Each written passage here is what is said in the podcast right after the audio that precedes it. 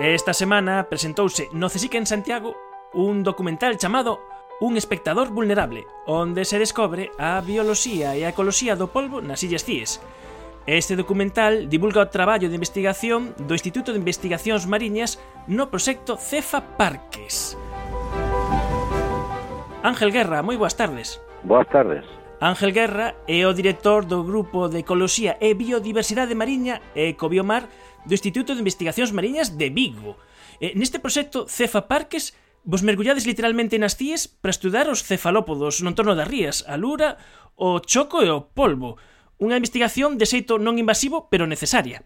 Absolutamente necesaria, sí, porque queríamos comprobar cuáles eran los lugares más eh, óptimos para la puesta y el alevinaje de estas especies con objeto de luego introducir dentro del parque una gestión de estos recursos que están explotados y en algún estado no demasiado sano, desde un punto de vista de la defensa de la biodiversidad y todo el ecosistema que les rodea, ¿no?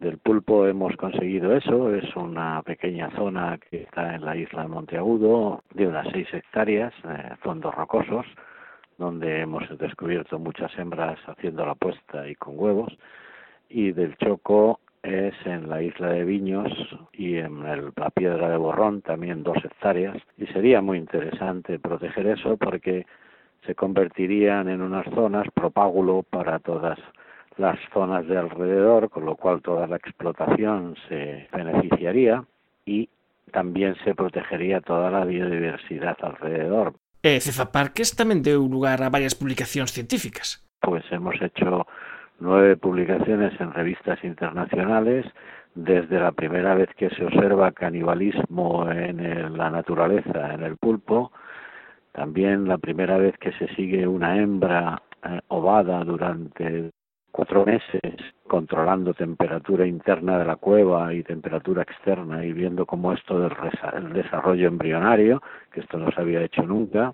En el calamar no hemos tenido tanta suerte porque no hemos encontrado casi puestas en las Islas Cíes, pero en Cabrera, que es donde también se hacía este proyecto, en el Mediterráneo, encontramos muchísimas puestas de calamar que podían potenciarse poniendo unos instrumentos donde los calamares artificiales, donde los calamares hacen la puesta. De manera que este proyecto, que es del Organismo Autónomo de Parques Nacionales y que hemos tenido una colaboración estupenda con el Parque Nacional de las Islas Atlánticas de Galicia y con el Parque Nacional de Cabrera, supone un avance en el conocimiento no solo de esas especies, sino también en cómo se pueden proteger y conservar mejor y además en cómo se puede gestionar un parque nacional protegiendo y conservando la biodiversidad, manteniendo por otra parte las actividades extractivas eh, que no porque no hay por qué echar al hombre del ecosistema, pero sí que tenga un poco de prudencia cuando explota estas estas áreas que tienen como fin el proteger y conservar la biodiversidad, ¿no? Y luego, además, que si se conservan áreas limpias y áreas bien cuidadas, pues esto puede dar lugar a actividades de tipo de buceo submarino, de tipo de fotografía submarina e investigación, porque son como tanques experimentales que tenemos aquí cerca en la naturaleza, ¿no? que é moi interesante. Falabas ao principio, por exemplo, do caso do canibalismo en polvos, que era esa, esas filmacións son inéditas, que deron lugar, por un lado, como dicías, a publicacións científicas e que tamén tiveron eh, un bo impacto mediático. Efectivamente, Discovery Channel nos pidió las imágenes para proyectarlas en, sus cadenas y eh, National Geographic también tuvo un impacto porque bueno, yo no es lo más importante del proyecto, pero sí que digamos que es lo más espectacular, ¿no? Ver cómo una hembra, después de haber copulado, se está comiendo al macho para tener muchísimas reservas, porque luego la hembra va a pasar cuatro meses cuidando de los huevos, es una madre muy cuidadosa de su descendencia y no come nada, ¿no? Con lo cual tiene que tener grandes reservas.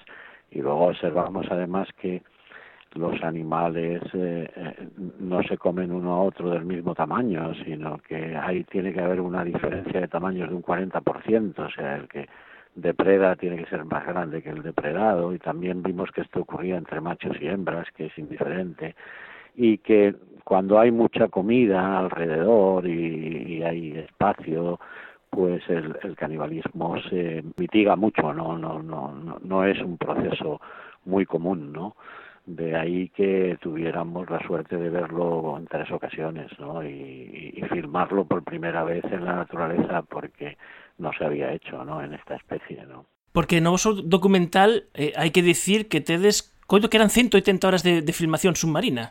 Eh, sí, sí, eh, fueron 196 horas en censos visuales con una cámara de alta definición para filmar todo lo que veíamos y hay unas 180, casi 200 horas de filmación submarina.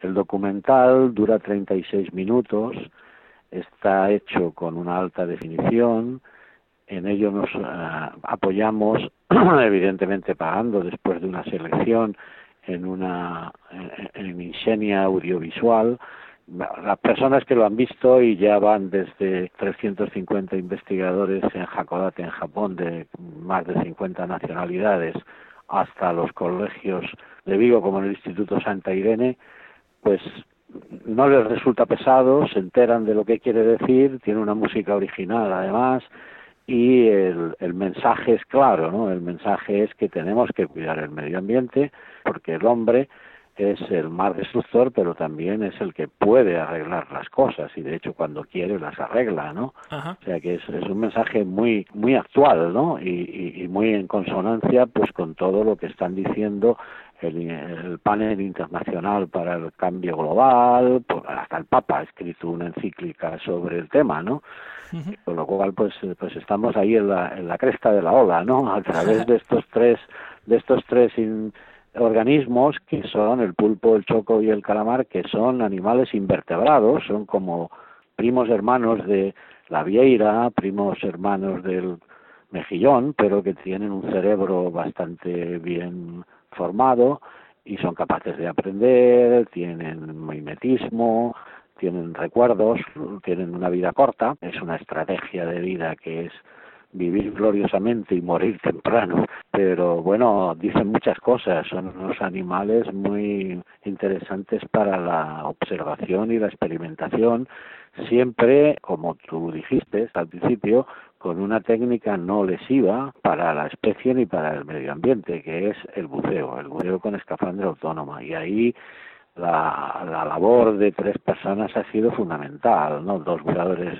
profesionales del uno es de, ah, del Consejo, que es Manuel García, y el otro está ahora en el Oceanográfico, que es Jorge Hernández Ulcera, y un patrón de pesca, un patrón, un patrón más que de pesca, un patrón de, de barco, que es Pepe Castro, que es un genio y nos ha puesto en los sitios donde queríamos bucear, ¿no? En fin, que con una subvención de 136.000 euros durante cuatro años hemos sacado todo el partido posible, conscientes de que había muchas cosas por conocer y que el dinero que gastábamos era público y no era nuestro y hemos tratado de ahorrar y de hacer incluso un documental que non sempre se pode, porque os gastos non dan para ello. eh, unha última cousa, eh, aludías a importancia desta mensaxe de, de conservación, a necesidade eh, des, de, das vosas investigacións de buscar esa mellor zona eh, para proteser, e no mesmo documental tamén dades voz o sector extractivo, que é unha parte importante para que todo isto vaya adiante, non? Entonces decían un pouquiño que eh, o vían, non o vían, é unha pata importante esta. Es absolutamente imprescindible. No se puede hacer nada de este tipo sin contar con los, eh, las personas que explotan los recursos, ¿no? En este caso, pues los pescadores que van al pulpo, al choco, al calamar, pero también los que van a, a la navaja, los que van al percebe, los que, porque todo el mundo, si se es consciente de que los recursos no son inagotables y de que no se puede dejar una red suelta por ahí porque sigue pescando o de que no se pueden hacer trampas con las medidas legales que ya existen por el hecho de ganar un poco de dinero ahora, pero después de un tiempo no se sabe si se le va a dejar algo a ellos mismos o a los hijos, porque es una economía a corto plazo, pues si en este sector que ellos mismos se conciencien del tema, no es posible, porque con un sistema de castigo, de multas, de premio, pues pues es muy difícil. Primero porque es muy desagradable y en segundo lugar porque siempre echa la ley, echa la trampa.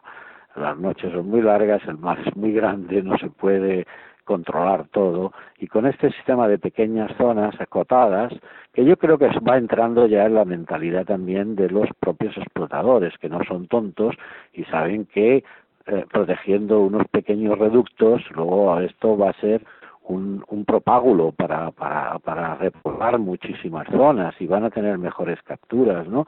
Y se va a equilibrar esas variaciones de biomasa que hay naturales, se van a equilibrar. En fin, hay que, hay que eh, eh, bueno, estar dispuestos a ceder un poquito todos. a nosotros nos gustaría mucho y a ellos pues les gustaría poco. Entonces, en una gestión combinada en la que se tenga en cuenta todos los que participan en la explotación, desde luego las autoridades, o sea, las autoridades de la Consellería de Medio Ambiente, de la Consellería de Mar, do Mar, todos tenemos que poner un poco de nuestra parte porque eh, concretamente el Parque Nacional de las Islas eh, Atlánticas de Galicia eh, está muy cerca de zonas pobladas, eh, hay que tener cuidado con la contaminación, la contaminación urbana, la contaminación producida por metales pesados, hay que tener en cuenta también el cambio global que está trayendo especies del sur que están viviendo aquí ahora. Los científicos tenemos la función de aconsejar, de estudiar y aconsejar. Luego las decisiones, eh, podremos estar en esas conversaciones como un observador y como un consejero pero se tienen que tomar por parte de todas las autoridades y de aquellos que tienen interés en, el recurso, ¿no? Porque tampoco se trata de rascarle el bolsillo en exceso a las personas que su vida en gran parte depende del ingreso de esas pescas, ¿no? Un espectador vulnerable, Este sí, é... el, espectador, el espectador vulnerable é el pulpo. O pulpo, a que está aí, que está aí vendo. A verdade é que eu tiven a sorte de asistir a esa presentación e a verdade é que si sí paga a pena ver este documental que ademais eh, como valor engadido esa alta definición se nota e sempre asociamos a esas paisaxes idílicas submariñas a paisaxes tropicais e aquí en Galicia nas CIES eh, témolas. É outro dos valores engadidos deste documental. Pues me, me alegra de que diga porque esto, certo, cierto, ¿eh? porque é certo, sí, totalmente. Pois aí queda. Eh, quen queira saber máis sobre este proxecto ten que pescudar esta páxina de Cefa Parques ou tamén nos colgaremos nas nosas redes sociais o enlace ao vídeo. Eh, Ángel Guerra, eh, director do Grupo de Ecoloxía e Biodiversidade Mariña do Instituto de Investigacións Mariñas de SIC. Moitas grazas por atender a nosa chamada. Moitas gracias a ustedes.